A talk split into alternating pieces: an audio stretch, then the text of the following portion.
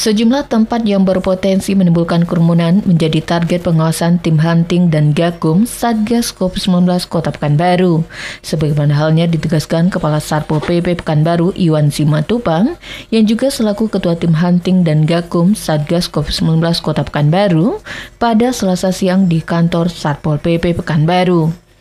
Dikatakan Iwan di antara tempat keramaian yang ditenggarai bisa menimbulkan kerumunan adalah tempat ibadah, pusat perbelanjaan, serta juga tempat-tempat wisata.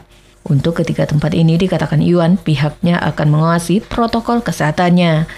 Karena diperkirakan jumlah masyarakat untuk datang ke tiga tempat tersebut akan lebih banyak di waktu Natal dan Tahun Baru. Pada saat melakukan pengawasan, Iwan juga menjelaskan akan menyebar anggotanya ketiga tempat tersebut agar pengawasan dapat berjalan lebih maksimal. Pertama tentu e, nanti kita akan berkoordinasi dengan Satgas Covid yang menjadi fokus pertama adalah e, tempat perayaan ibadah ya, yaitu tempat ibadah.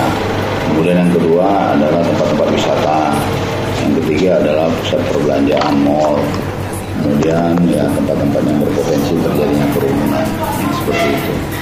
Kalau untuk pengawasan prokes tetap kita laksanakan, tapi mungkin kita secara parsial aja tidak melakukan operasi gabungan justisi sebagaimana di PPKM level 4 kemarin. Tapi kita tetap kok pada saat kita melakukan tupoksi kita uh, kegiatan operasi kantibung, di situ juga kita melakukan kegiatan operasi pengawasan prokes.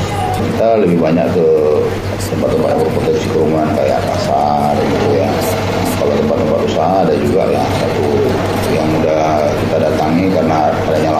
Di lain sisi, kendati penerapan protokol kesehatan diawasi ketat, namun khusus untuk jam operasional pusat perbelanjaan akan diperpanjang mulai dari pukul 9 malam menjadi pukul 10 malam. Dalam kesempatan itu, Iwan menghimbau kepada masyarakat untuk tetap disiplin dalam menjalankan protokol kesehatan dan mengurangi mobilitas pada saat Nataru sebagai upaya pencegahan dan pengendalian COVID-19.